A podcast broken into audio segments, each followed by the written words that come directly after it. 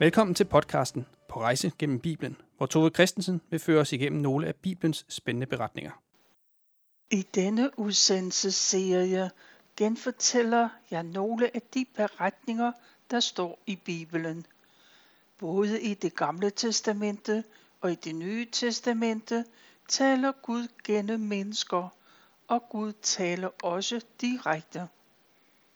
Jeg forsøger at holde mig så tæt på teksten som muligt, og samtidig give en forståelse af de personer, der handler om, og om den tid, de levede i. Sidst i udsendelsen giver jeg et bud på, hvad Gud vil fortælle os gennem de gamle beretninger. I den her udsendelse skal vi fortsætte med at høre om patriarken Jakob. Først har jeg et resume og nogle kommentarer. Jakob, han måtte rejse over hals og hoved fra sit hjem i Kanaan. Han skulle til sin morbror Laban, der boede i Karan øst for Eufratfloden. Den første nat på den rejse, der havde Jakob en drøm. Han så en stige, der gik fra jorden og op til himlen. Engle gik op og ned. Gud talte til Jakob og gav det samme løfte til ham, som han havde givet til hans far Isak og til hans farfar Abraham. Gud sagde til Jakob, at han vil velsigne deres slægt. Han vil gøre dem talrige som sandkornet på jorden, og ind i den slægt skal verdens frelser fødes. Da Jakob vågnede, lovede han, at hvis Gud virkelig være med ham hele vejen og føre ham sikkert hjem, så skulle Gud være hans Gud. Og Gud var med Jakob. Gud førte ham sikkert og direkte til sin onkel Laban. Nu kommer der en antagelse. Laban, han havde til synlædende kun to døtre. Han havde ingen sønner fået. Og som det er normalt på det her tidspunkt, når man ingen sønner har, så adopterede Laban til syneladende Jakob. Det var jo en slægtning, der uventet var kommet til hans hus. Vi fortsætter fra Bibelen. Allerede den første dag forelskede Jakob sig i datteren Rachel. De blev senere gift, men han blev også gift med store søster Lea og med den slavepige, der tilhørte Lea, og en, der tilhørte Rakel. Gud så Leas sorg, fordi hun ikke var elsket af Jakob. Derfor lod Gud Lea blive gravid. Rakel derimod, hun var højt elsket af sin mand. Men der gik mange år, før hun fødte sit første barn. I Bibelen fylder jalousien mellem Rakel og Lea forholdsvis meget. Det står jo ikke i Bibelen, hvis det ikke har en betydning. Jeg tænker, at det sikkert har noget at gøre med, at Jakobs sønner de blev samfædre til Israels 12 stammer. De stammer har en betydning i det meste af det gamle testamente. Det har været vigtigt for israelitterne at vide, at de 12 stamfædre kom ikke ud af den blå luft, men de var fra en familie, som de kendte til, og som havde deres styrker og svagheder. Det her, det var et resume. Vi skal høre fortsættelsen om Jakob og hans familie.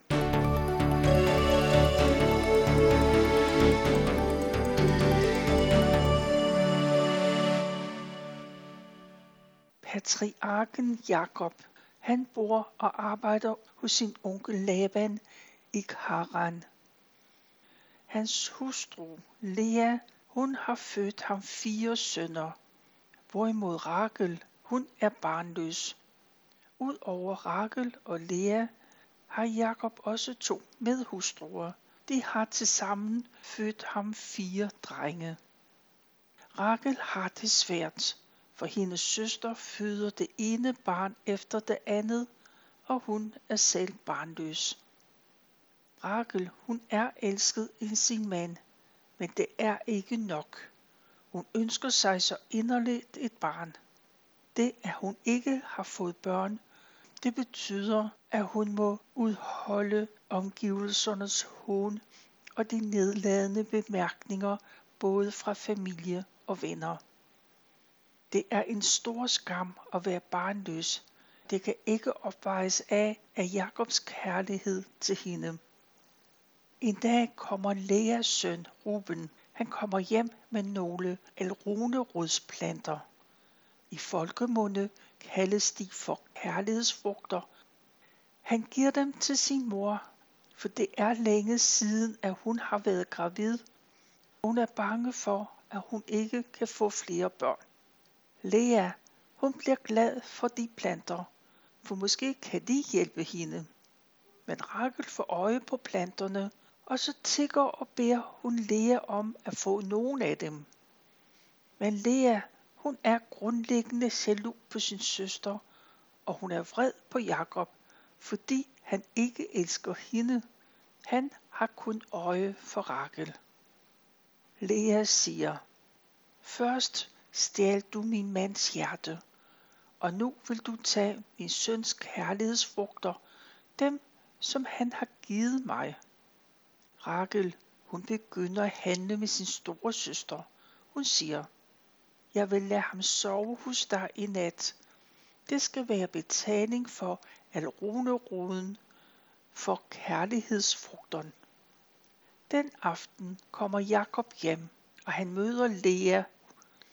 Og Lea siger, at i nat skal han sove hos hende. Og Jakob er sammen med Lea den nat, og Gud har hørt Leas bønder, og hun bliver gravid. Hun får sønnen Isakar. Senere bliver hun gravid igen og får sønnen Sibolon. Det er hendes sjette søn. Hendes syvende og sidste barn, det bliver datteren Dina. Men nu griber Gud også ind i Rakels liv. Gud har også hørt hendes bøn, og hun bliver gravid og føder sønnen Josef. Hun er uendelig taknemmelig over, at Gud har taget skammen væk, for nu er hun ikke barnløs længere, men alligevel ønsker Rakel en dreng mere. Forløbig så har hun kun Josef, som er nyfødt. Jakob han har 11 sønner, men Josef han betyder noget særligt. Der går ikke lang tid efter Josefs fødsel, så går Jakob ind til sin svigerfar Laban og beder ham om lov til at rejse hjem til Kanaan. Laban er ikke kun Jakobs svigerfar. Han er sikkert også hans arving. Det står ikke direkte i Bibelen, men meget tyder på, at Laban har indsat Jakob som arving, fordi han først fik sønner sent i livet. Laban regner derfor Jakob som en del af husstanden, og Jakob må bede om lov til at rejse. Jakob han har arbejdet for Laban i 14 år. De første syv års arbejde, det var hans brudepris for at blive gift med Rakel. Men Laban snød ham, og han blev i stedet for gift med storesøster Lea. Ugen efter, så blev Jakob også gift med Rakel, men prisen var, at Jakob skulle arbejde gratis for Laban i endnu syv år. Jakob har betalt sin gæld. Han har arbejdet længere for Laban end de aftalte 14 år. Jakob er nu klar til at tage tilbage til sit hjemland. Han vil tage afsted sammen med sine koner og børn. Det har sådan set været hans plan hele tiden, men det er Laban ikke indstillet på. For Laban han er helt klar over, at han i dag er en rig mand kun på grund af Jakob. Hvis Jakob rejser, så forsvinder hans indtægtskilde også. Så Laban han gentager, at Jakob må sige, hvad han vil have i løn, så vil han give, hvad han forlanger. Jakob gør Laban opmærksom på, hvor lille forflokken var, da han kom, og nu har han enorme mængder af dyr. Laban, han er en rig mand, takket være Guds velsignelse, der ligger over Jakob. Jakob han må påpege, at han har betalt sin gæld. Nu må han tænke på sin egen familie. Men Laban, han lytter ikke. Han gentager bare, hvad skal du have i løn? Jakob, han øh, kommer ikke langt i den forhandling, så han ændrer taktik. Han svarer, at han slet ikke skal have noget.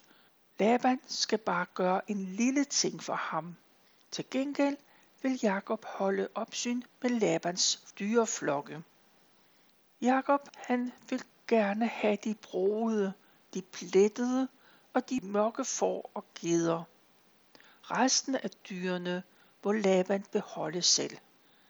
På den måde kan man også se, hvilke dyr der tilhører Laban og hvilke dyr der er Jakobs. Laban han vil hurtigt kunne se, hvis Jakob har flere dyr end den, der er aftalt. Laban indgår den aftale, men så skynder han sig ud på marken ud til sønderne. Han siger, at de skal fjerne alle de broede får. Dem, der har pletter i deres hvide pels, de skal de tage sammen med de mørke dyr. De skal rejse tre dagsrejser væk fra Jakob. Dagen efter kommer Jakob ud på marken til dyrene, og han opdager, alle de brode får og geder er væk. Endnu en gang har Laban snydt ham. Men Jakob vil overholde den aftale, han har med Laban. Han har opsyn både med sin egne og Labans dyreflokke. Jakob har lært et og andet i omgang med får og geder. Hvis man tager friske grene af poppel, mandel og plantantræer og skræller noget af barken af, så det hvide kommer til syne. Så placerer man grenene ved vandtruene, så dyrene kan se dem, når de kommer for at drikke. Når dyrene parer sig foran grenene, så får de lam, der er henholdsvis stribet, plettet eller brugt. Jakob tager nu nogle grene og skræller noget af barken af, og det kommer der broede lam og gedeked ud af. Oven i købe, så er de broede lam og gedeked, de er sunde og stærke. De andre dyr, dem der tilhører Laban, de har skavanker og er meget mindre. Jakob tager de broede lam og gedeked til side til sig selv. De andre får Laban. Men Laban, han får øje på Jakobs sunde, broede dyr. Og så bestemmer han sig om. Nu er det kun de stribede dyr, Jakob må få. Næste år har mange af Jakobs lam og gedekid. De får striber, og Jakob tager dem til side til sig selv. Men endnu en gang opdager Laban, hvad der sker, og laver reglerne om. Jakob er træt i Laban, og han har også bemærket, at Labans holdning over for ham har ændret sig. Samtidig er det tydeligt, at hans sønner ikke vil ham noget godt. Gud ser de uretfærdigheder, der overgår Jakob. Derfor gør Gud det sådan, at hans dyreflok vokser hurtigt, og dermed også hans rigdom. I efteråret, i dyrenes paringstid, der har Jakob en drøm, hvor Guds egen engel siger til Jakob, at tiden er inde, han skal tage tilbage til Kanaan sammen med sin familie. Englen fortsætter. Læg mærke til, at det kun er de stribede, plettede og broede bukke, der parer sig med gederne i din jord. Jeg har nemlig set, hvordan Laban har behandlet dig. Jeg er den Gud, du mødte ved Betel. Det sted i Kanaan, hvor du salvede mindestenen med olivenolie og aflagde et løfte om at tjene mig. Gør dig klar til at forlade dette sted og vend tilbage til det land, du kom fra. Sådan taler englen til Jakob i en drøm. Senere på det efterår, der sender Jakob bud til Rakel og til Lea. De skal komme ud på marken til ham, der hvor ingen kan høre dem. Jakob vil høre, om de vil tage med til Kanaan. For Jakob siger, at de jo nok har bemærket alt det arbejde, han har gjort for Laban i 20 år. Men han har kun fået brudte løfter til gengæld. Og Jakob han nævner, at Gud har været med ham, så alt er lykkes, og Laban ikke for alvor kan gøre ham noget fortræd. Labans døtre, Rakel og Lea, de må erkende, at de ikke har nogen fremtid hos deres far, hvis Jakob rejser. Lige siden deres far fik sønner, vil de som kvinder ikke arve noget. Og de regner heller ikke med, at de kan få nogen hjælp fra deres yngre brødre. Rakel og Lea, de har været på kant med hinanden i mange år. Men nu er de enige om, at Jakob skal gøre, som Gud har sagt. Jakob ønsker ingen konfrontation med Laban. Derfor ser han en mulighed, da Laban skal klippe sine får et stykke væk, og han er hjemmefra i flere dage. Jakob bruger anledningen til at forlade Labans hus. Han samler sine dyreflokke og sin egen dele. Hans hustruer, de pakker familiens ting sammen. Rakel, hun tager oven i købet sin fars husguder med sig. Jakob sætter sine børn og koner op på kamelerne, og de går direkte mod Eufratfloden og kommer over på den anden side til bjergområdet. På vejen går Jakob, måske tænker han på dengang han for mange år siden kom til Labans hus. For 20 år siden kom han alene gående, og fremtiden var usikker. Det eneste han havde af værdi, det var den første fødselsret, som havde tilhørt hans ældre tvillingbror Esau. Og så havde han Guds velsignelse. I første omgang havde han snydt og bedraget sig til begge dele. Han havde løjet og skabt ufred i familien. Resultatet var, at han blev nødt til at flygte hjemmefra. Men nu er Jakob på vej tilbage til Kanaan, tilbage til sin far. Han ser sine kameler, sine store dyreflokke. Han ser sine slaver og sin store familie. Jakob er helt klar over, at det alt sammen er givet ham af Gud. Han har ikke snydt nogen eller løjet om noget. Alt har han fået af Gud. Jakobs øjne falder på sin store kærlighed på Rakel. Hun sidder på kamelen med sin første fødte søn Josef i armene. At se på de to, det gør Jakob ekstra glad og taknemmelig. Ja, vi når ikke mere i den her omgang. Her sidst i udsendelsen har jeg nogle bemærkninger. En forovler fortalte mig, at Jakob nok havde en pointe med at afbakke grene i dyrenes paringssæson. Men Gud har helt klart også været med i det, så effekten af de afbakkede grene er blevet meget mere markant, end de normalt ville være. For det andet, Guds egen engel taler til Jakob. Det er Jesus, der er kommet til ham, ligesom Gud talte til ham i drømmen ved Betel, da Jakob han var på vej mod Labans hus. Og så er der utrolig mange detaljer om Jakobs sønner og om deres mødre. Familien, de vidste det selvfølgelig ikke. Men Jakobs 12 sønner, de blev stamfædre til Israels 12 stammer. Gud brugte familiens personligheder, deres svagheder og styrker til noget langt større end hverdagsproblemer. For gennem Israels 12 stammer, der ville Gud vise sin almagt, ikke kun for israelitterne, men for alle mennesker i alle lande. Derudover skulle verdens frelser fødes igennem deres slægt. Jesus blev født ind i Judas stamme.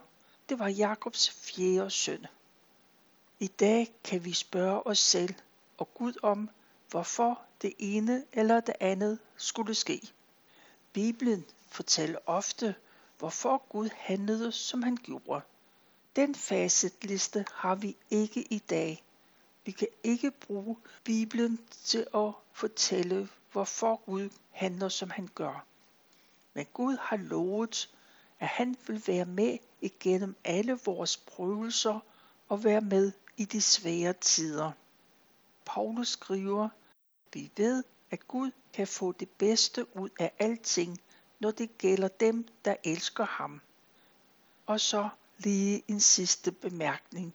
Jakobs rigdom, den blev stor. Men han var ikke spor i tvivl om, at det var et udtryk for Guds omsorg. Vi kan spørge os selv i dag, tager vi vores hjemme, vores familie og alt det andet, vi ejer og har forgivet, eller ser vi det som en gave fra Gud? Med de her bemærkninger, så er det ved at være slut på den her udsendelse. Vi har hørt fra 1. Mosebog, kapitel 30 og 31, fra Esajas' bog, kapitel 43, og fra Romerbrevet, kapitel 8. Citaterne de kommer fra Bibelen på hverdagsdansk. Tilbage er der kun at sige tak for nu, og tak fordi du lyttede med.